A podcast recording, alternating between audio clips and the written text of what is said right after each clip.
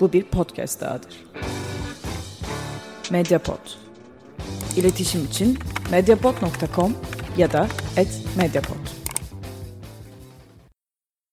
Merhabalar, Alt Evren Çizgi Roman Podcast'inin yeni bölümüne hoş geldiniz. Geçen bölümde soru cevap konsepti üzerinden gitmiştik ama birkaç tane soru kalmıştı cevaplayamadığımız. Bölümü de çok fazla uzatmak istemedik o yüzden yarıda kestik. Bugün devam ediyoruz. Geçen bölüme paralel evrene gelen sorularla başlamıştık. Bu sefer de alt evrene gelen bir sorudan devam edelim. Ee, sevgili Kaan Günay'ın gönderdiği bir soru. Ama bir soru diyorum içinde 5 soru var. Onlara önce tek tek cevaplayalım sonra paralel evren hesabına gelenlerden devam edeceğiz. Su, ben soruyorum istersen ilk cevabı sen ver. Ondan sonra ben Tamam, olur. devam ederim. İlk soru geliyor. Çizgi roman okurken müzik dinliyor musunuz? Dinliyorsanız içeriğine göre değişiyor mu? Hımm, güzel soru. Yani ben bir şeyler okurken normalde, hani, normal kitap okurken de müzik, eee, dinlemeyi seviyorum. İçeriğine göre değişiyor. Mesela özellikle, eee, bir manga okuyorsam ve bu manganın bir animesi varsa arka planda mutlaka özellikle savaş sahnesi ise daha gaza getirici şeyler okuyorum. Böyle çok acıklı bir çizgi roman okuyorsam onun duygusunu daha iyi vermesi için de böyle daha hüzünlendirici şarkılar açtığım oluyor. Ama buna bu kadar dikkat etmiyorum sanırım genelde.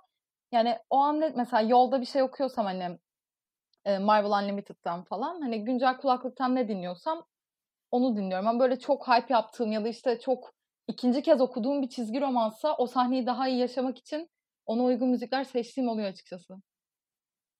Valla ben evde okuyorsam çizgi roman aslında aynı anda müzik çok açmıyorum. Çünkü yani dikkatim dağılıyor.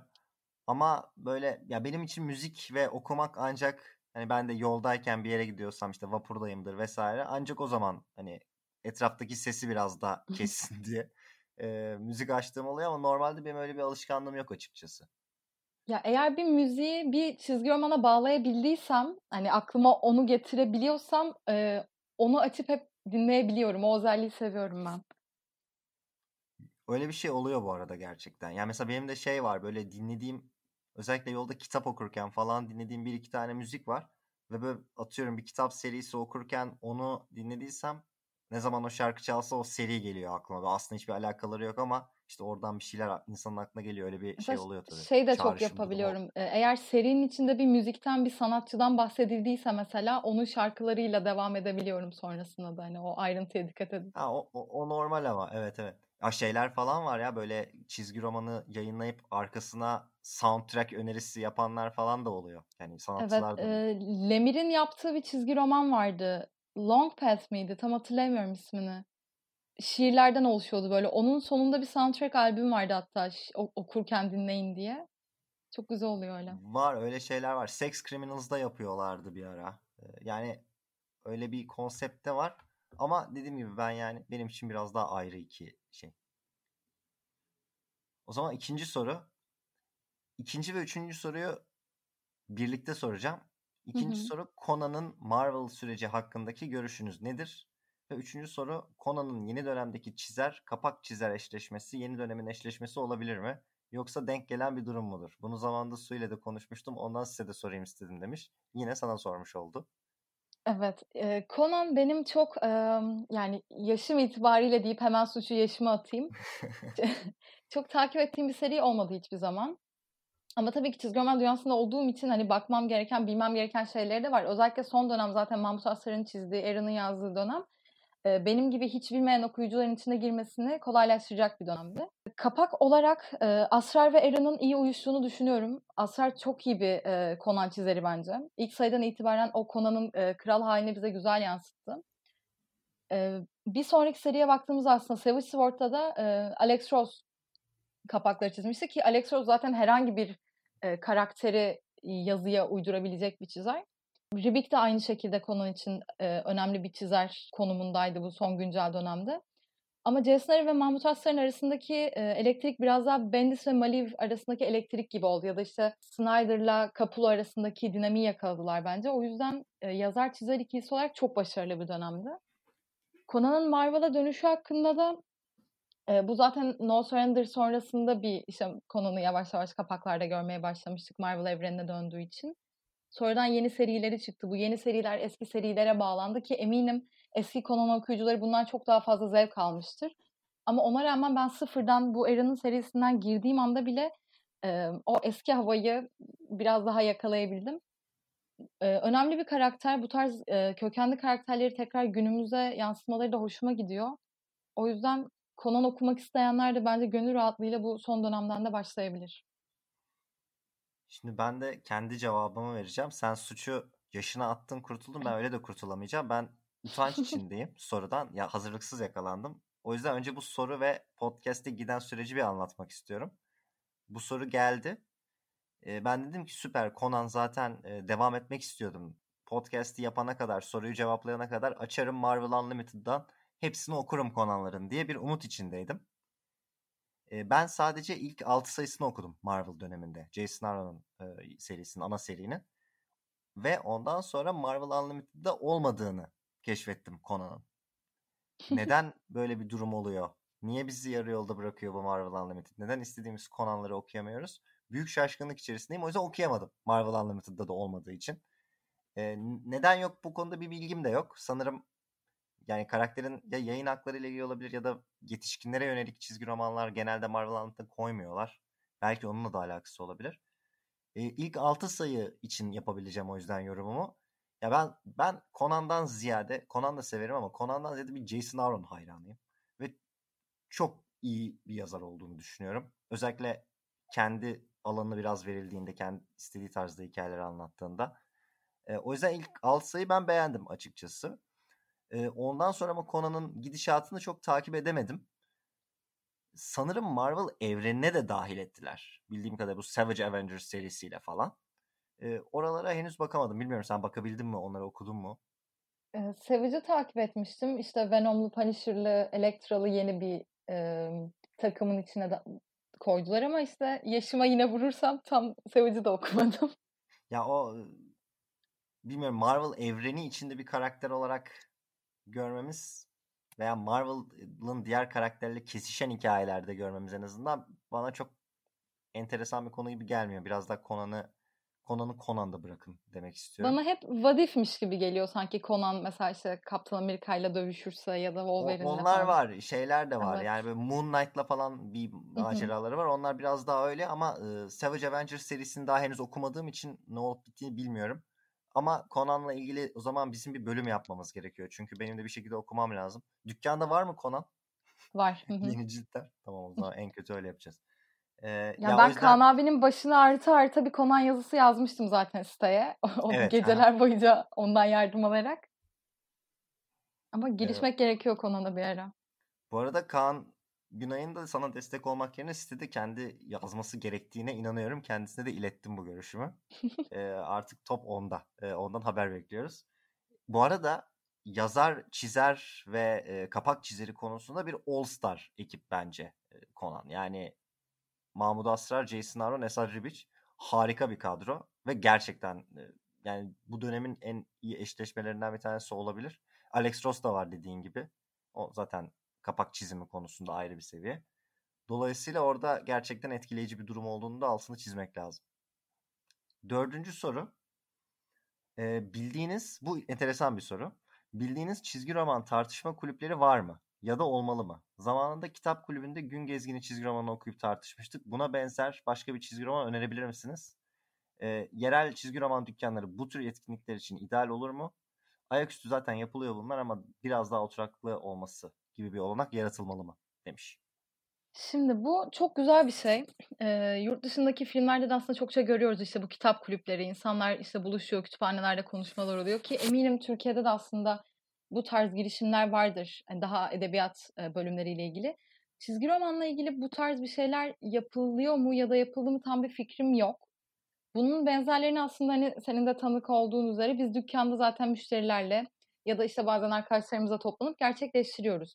Ama bunu hiçbir zaman işte bir kulüp kuralım ya da işte bunun bir podcast olsun, bunun bir videosunu çekelim tarzı bir düşünceyle gerçekleştirmedik. Ee, olsa güzel olur. Ee, ama işte Türkiye'de ne yazık ki hala bazı okuyucular işte serileri kendi görüşleriyle değil de işte çevresinde duyduğu görüşlerle eleştirip konuşmayı sevebiliyor. Belki aslında onlar için de güzel bir fırsat olur böyle ortamlarda bulunup sohbetlere katılmak. E, gerçekleştirmesini isterim. E, bunda bir katkım olsun da isterim.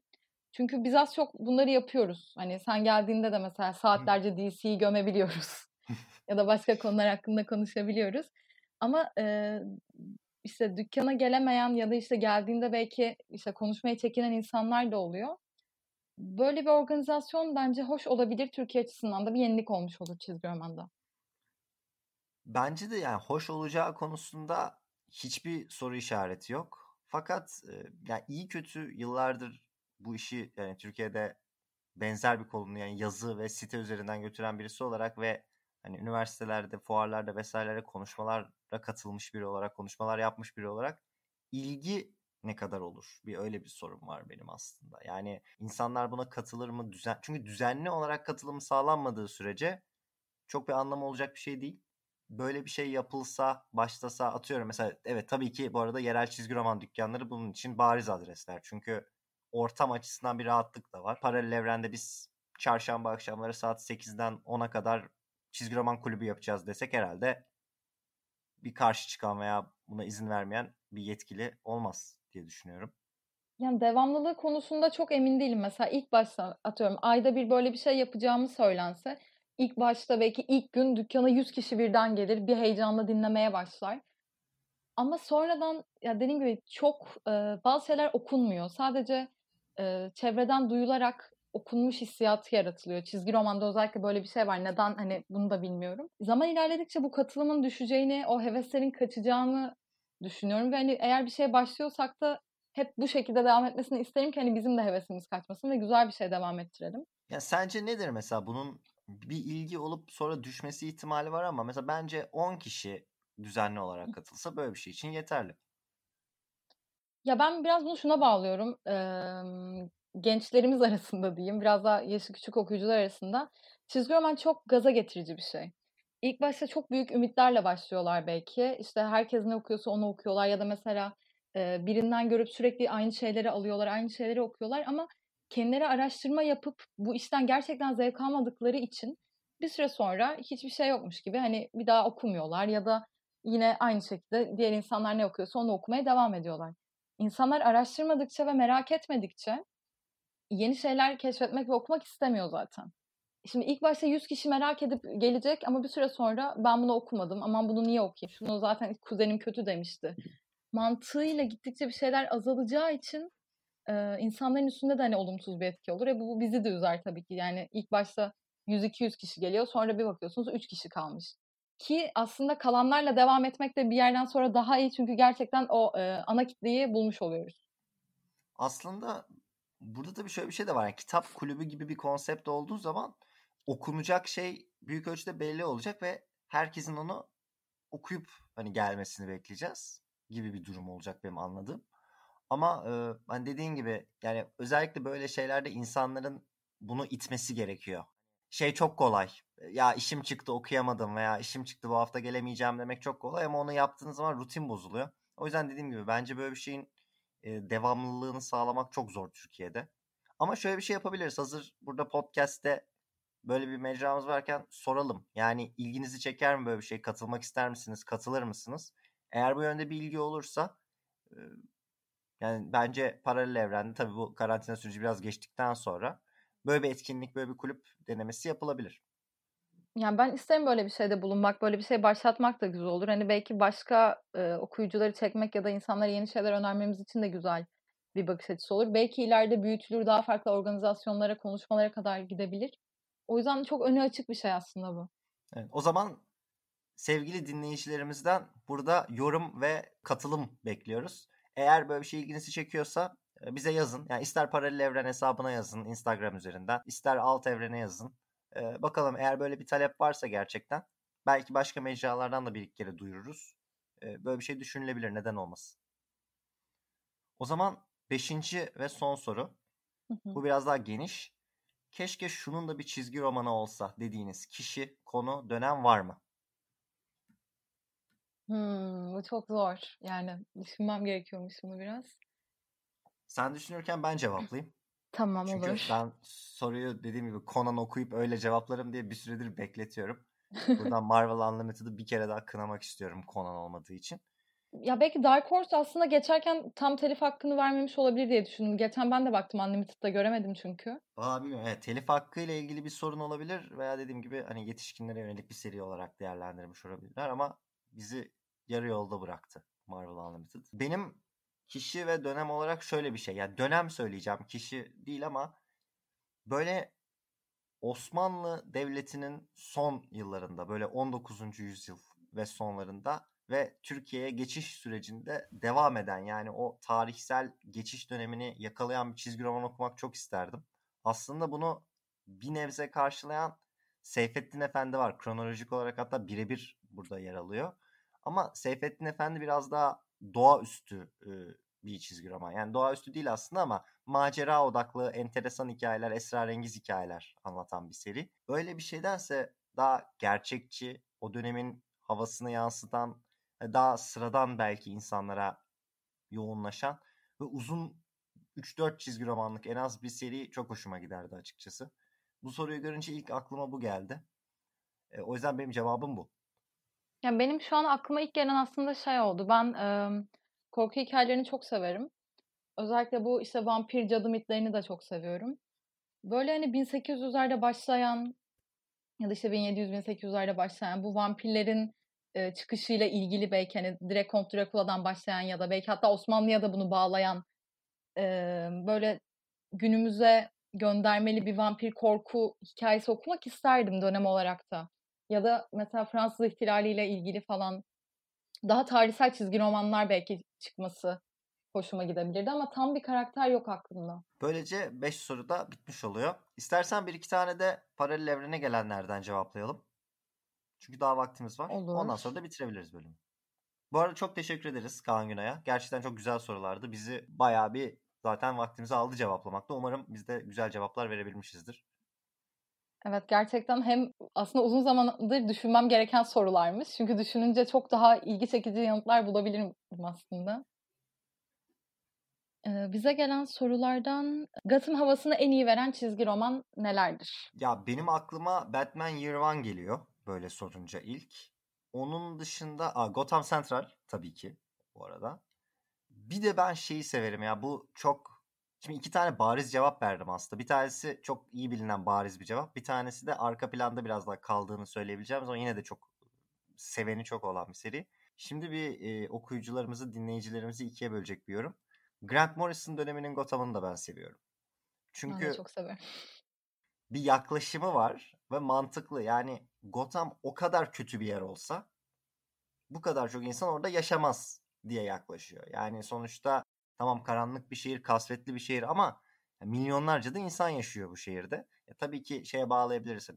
Hiçbir süper kahraman çizgi romanının geçtiği şehirde yaşanmaz. Yani Marvel'ın New York'u yaklaşık ayda 16 kere falan yıkılıp baştan yapılıyor sanırım ama biraz daha şey yaklaşırsak, gerçek bir şehirmiş gibi düşünürsek biraz daha gerçekçi bir yer olması gerekiyor diye düşünüyorum. Grant Morrison'ın serisinde de biraz daha aydınlık bir yorumlaması var Gotham'ın. O yüzden bunlar aklıma geliyor. Ee, Benim zaten Gotham deyince aklıma ilk Gotham City Central geliyor. Brubaker'ın muhteşem bir polisi hikayesi. Orada Batman'dan çok aslında Gotham'ın e, bu işte polis çetelerini, suç örgütlerini daha iyi anladığımız bir seri. Onun dışında Streets of Gotham geldi aklıma. Çizimleriyle de çok seviyordum. Orada da yine hani Gotham halkını ve yaşananları daha iyi anlıyoruz. Bir de paralel evren hikayesi olarak Gotham Year 100 var. Orada aslında daha ileriki zamandaki bir Batman'i görüyoruz ama e, aslında bu biraz daha Gotham'ın olumsuzluklarına, Gotham'da hiçbir şeyin değişmeyeceğine, insanların ve polislerin yine aynı suç örgütleriyle işbirliği yapıp yine bütün Gotham'ı Batman'i kurtarması gerektiğine değiniyor. Ama bence en iyi örnek Gotham City Central bunun için. Bir sonraki sorumuz, e, bu aslında bu soru çok gelmiş. En çok gelen soru buydu. DC e, 5G hakkında ne düşünüyorsunuz? Ya e, güzel bir soru, gündemdeki bir soru. Ben sana bırakmak istiyorum bu soruyu. Çünkü bu 5G denilen olay hakikaten herkes bundan bahsediyor ve herkes bunu konuşuyor ama şu anda resmi olarak çok fazla bir şey bilmiyoruz bu dönemle ilgili. Benim anladığım. Hı hı. E, yani somut bir bilgi çok var mı elimizde? O yüzden sana bırakıyorum. Şimdi 5G ilk olarak aslında bu Black Label title'ının biraz ayrılmasıyla e, gündeme geldi. Black Label'da daha yani Vertigo'nun esintisi olacağı için daha sert ve daha solo hikayeler oku- okuyacağımızdan bahsedildi. Ki bu aslında Black Label bölümünde de konuşmuştuk bunları. Only One Different döneminde de daha önce dediğim gibi Marvel karakterlerin yerine daha genç karakterleri ya da işte karakterlerin cinsiyetini değiştirerek kadın karakterleri getirip farklı bir dönem yarattı. E, 5C'nin bize asıl olarak sunmak istediği şey sevdiğiniz karakterlerin hepsini Black Label'da okuyacaksınız. Ama biz artık Batman yerine işte e, Lucian Fox'u getireceğiz. İşte Wonder Woman yerine işte onun kızını getireceğiz. İşte Cyborg yerine farklı bir karakter getireceğiz demesiyle oldu. Ve bunlar çok iyi açıklanmadan yapıldı. Zaten sürekli ertelendi. Şu an hatta en son galiba ortadan kalktığıyla ilgili bir konuşmalar duyuruldu. E, 5C'nin genel mantığı yine aslında biraz metale de bağlanıyor bence. Çünkü metalden sonra birçok Dark Multiverse gördük. Bu Dark Multiverse'den birçok karakter çıktı. Bu karakterler ışığında da işte Year of the Villain'lar yapıldı. Bunların hepsi bağlanacağı söylendi. Hala bağlanmadı ama şu an metalde yani son çıkacak Death Metal'de yeni multiverse'ler görürsek ve bu multiverse'ler DC evreni için çok farklı kapılar açıp karakterlerin hayatında büyük gelişmeler yaşanmasına sebep olursa e, bu Batman'in değişip yerine yeni e, siyahi bir Batman gelmesini bize belki açıklayabilir. Ben bu hamleleri çok doğru bulmuyorum. Çünkü insanlar zaten Batman okumak istediği için Batman okuyor. Bunları farklı bir yere yönlendirilmesine gerek yok. Eğer bu kadar yeni karakter katılmak isteniyorsa Batman and the Signal'daki gibi bir başarısızlığı ya da DC kaldırmak istiyorsa farklı seriler yapıp şansını deneyebilir. Ya da Black Label'ı tamamen e, yeni karakterler için kullanabilir. E, ana evreni büyük derecede bozarlar. Duyduğumdan beri çünkü çok e, sinirliyim böyle bir şey yapmalarına. Çünkü Batman'i şu an ne yaptığını biz Rebirth'ten takip ediyoruz ve ben e, ana evrende, ana seride onu okumak istiyorum. Ya bu Ye- tekrar sormak istiyorum burada. Yani şimdi bütün bunlar e, şu anda sadece dedikodu değil mi? Ee, aslında değildi. İlk başta bir one shot açıklandı. 2-3 ay önce e, five, işte DC Generation diye. Evet. Ya onun ama şöyle söyleyeyim. Onun içeriğinin de ne olduğunu biliyoruz o çizgi romanın e, belli bir ölçüde. Yani Wonder Woman'ın DC evreninin ilk karakter, ilk süper kahramanı olarak e, konumlandırıldığı Wonder Woman hikayesini, reprintini içerecek. E, Flash 750'de yayınlanan Wally West'in Flash Forward Epilogue hikayesini içerecek. Onun dışında tabii bir şeyler daha olmasını bekliyoruz ama e, yani bu 5G ile ilgili özellikle de bu sürecin adını ilk duymaya başladığımız dönemde e, DC'nin başındaki kişilerden biri olan Dan Didion'un artık olmamasıyla birlikte yani bütün o süreci gerçekten yapacaklar mı konusunda somut bir bilgimiz yok. Şu an zaten en son erteleniyordu. Ertelendikten sonra artık bu projenin iptal aşamasına kadar geldiğini hani okumuştum. Yani e, dediğim gibi bunların hepsinin DC ile ilgili bütün merak ettiklerimizin tek yanıtının Death Metal sonrası olabileceğini düşünüyorum. Ya bütün ümitler Doomsday Clock'taki gibi şu an Death Metal'de. Zor bir karar olur DC açısından. Çünkü Marvel daha önce denedi, başarısız oldu ve çıkması gerçekten uzun yıllar aldı serilerden sonra. insanların da güvenini kaybettiler. Ki DC elinde de bu kadar iyi ve iyi yazar ve çizer şu an bulunmadığı için böyle bir şeyin altından kalkması pek e, olası görünmüyor şu an. O zaman e, bu 5G konseptini de biz e, Death Metal ile birlikte tekrar bir podcast'te gündeme getirelim. Çünkü elimizde ancak o zaman gerçekten somut bir şey olacak. Ben şunu söyleyeyim sadece yani böyle şeyler dedikodu olarak her zaman olur çizgi roman dünyasında. Ama uzun vadeli olarak Batman'i hani ana evrenden çıkarıp yerine yeni bir Batman getirmek falan çok yapılabilecek fikirler değil zaten. Yani birileri buna e, ya belki bir sene farklı bir Batman okursunuz sonra yine geri gelir. O yüzden o dedikodulardan o söylentilerden çok korkmamak gerekiyor. Ama asıl somut nokta DC ile ilgili bence şu an hakikaten konuşması çok zor bir dönem. Çünkü Death Metal'i okumadan hakikaten asıl planlarla ilgili hiçbir şey bilemiyoruz. Yani bu işte Doomsday Clock hayal kırıklığı yaratmaz umarım. Ama e, açıklanmamış çok soru var. Ki bu kadar olumsuz konuşulmadan hani bakma aslında çok güzel hikayeler de çıktı bu dönemde. E, güzel eventler de okuduk. Ama çok genel baktığımız zaman hani DC evreni şu an nasıl gidiyor diye bir konu konuştuğumuz zaman ona hiçbir verebileceğimiz cevap yok açıkçası şu an. Evet bu arada onu da bence gündeme getirmen iyi oldu. Çünkü geçen bölümde de DC ile ilgili biraz daha olumsuz bir hava yaratmıştık. Tabii ki yani 50 tane seri yayınlıyorlar. Bunun işte Black Label serileri falan da var ayrıca. DC'den bir sürü iyi çizgi roman çıkıyor. Ee, yani dediğim gibi hani sadece Mr. Miracle, Strange Adventures gibi şeylere bakarsanız da e, yeterli aslında. Ama e, DC evreninde sürekli olarak büyük bir şeyler oluyor. Fakat bu büyük bir şeyler hiçbir zaman bir şeye bağlanmıyor. Yani metalin de ucu çok açık kaldı. Ondan sonra Doomsday Clock her şeyi düzeltecek, her şeyi bir mantığa bir raya oturtacak diye bekliyorduk. Bunu yapmadığı gibi belli açılardan daha da çok karıştırdı. Bundan sonra evren kronolojisinde değişiklikler başladı. Scott Snyder'ın Justice League'de dev hikayesi yarım kaldı. O yüzden ya bir sürü koldan şu anda death metal'i bekliyoruz. Bunlara cevap bulabilmek için. Bir sonraki sorumuzda sizce uzun serilerin son sayısının belli olmaması ya da ne zaman biteceğinin belli olmaması iyi bir seçenek mi? Hmm. Enteresan bir soru. Yani hiç böyle düşünmemiştim iyi bir seçenek mi kötü bir seçenek mi diye. Çünkü normali çizgi roman dünyasının özellikle daha eski dönemlerde o olduğu için ya bence bilmiyorum iyi veya kötü bir şey diyemem. Sadece bir karakterin serisinin hani çıkabildiği kadar çıkması ve belli dönemlerde yazar değişiklikleriyle, yaratıcı ekip değişiklikleriyle e, sınırlandırılması mantıklı bir iş. Ama bilmiyorum bütün alternatifi tabii bütün çizgi romanların hangi sayıda biteceğini bilerek okumamız. O da bence çok karmaşık bir konu. Yani çok net bir cevap veremeyeceğim açıkçası. Bence endüstrinin normali o olduğu için e, çok alıştığımız bir şey sadece.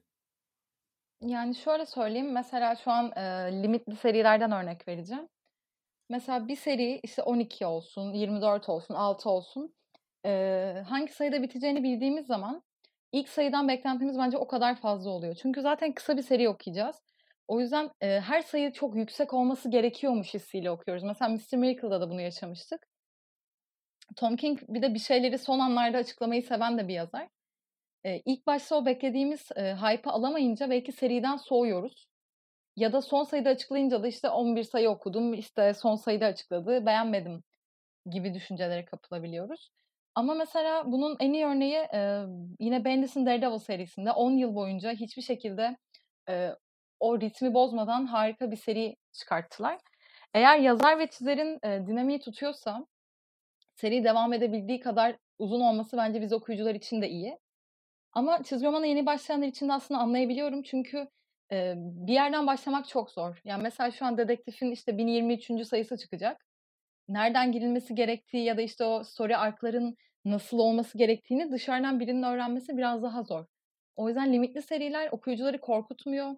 Hemen başlamasını sağlıyor ya da e, kısa olduğu için istediği bir dönemde okumasına yardımcı oluyor uzun seriler dediğin gibi iyi bir yazar çizerle aslında bence olması gereken bu. Çünkü çizgi roman böyle bir şey.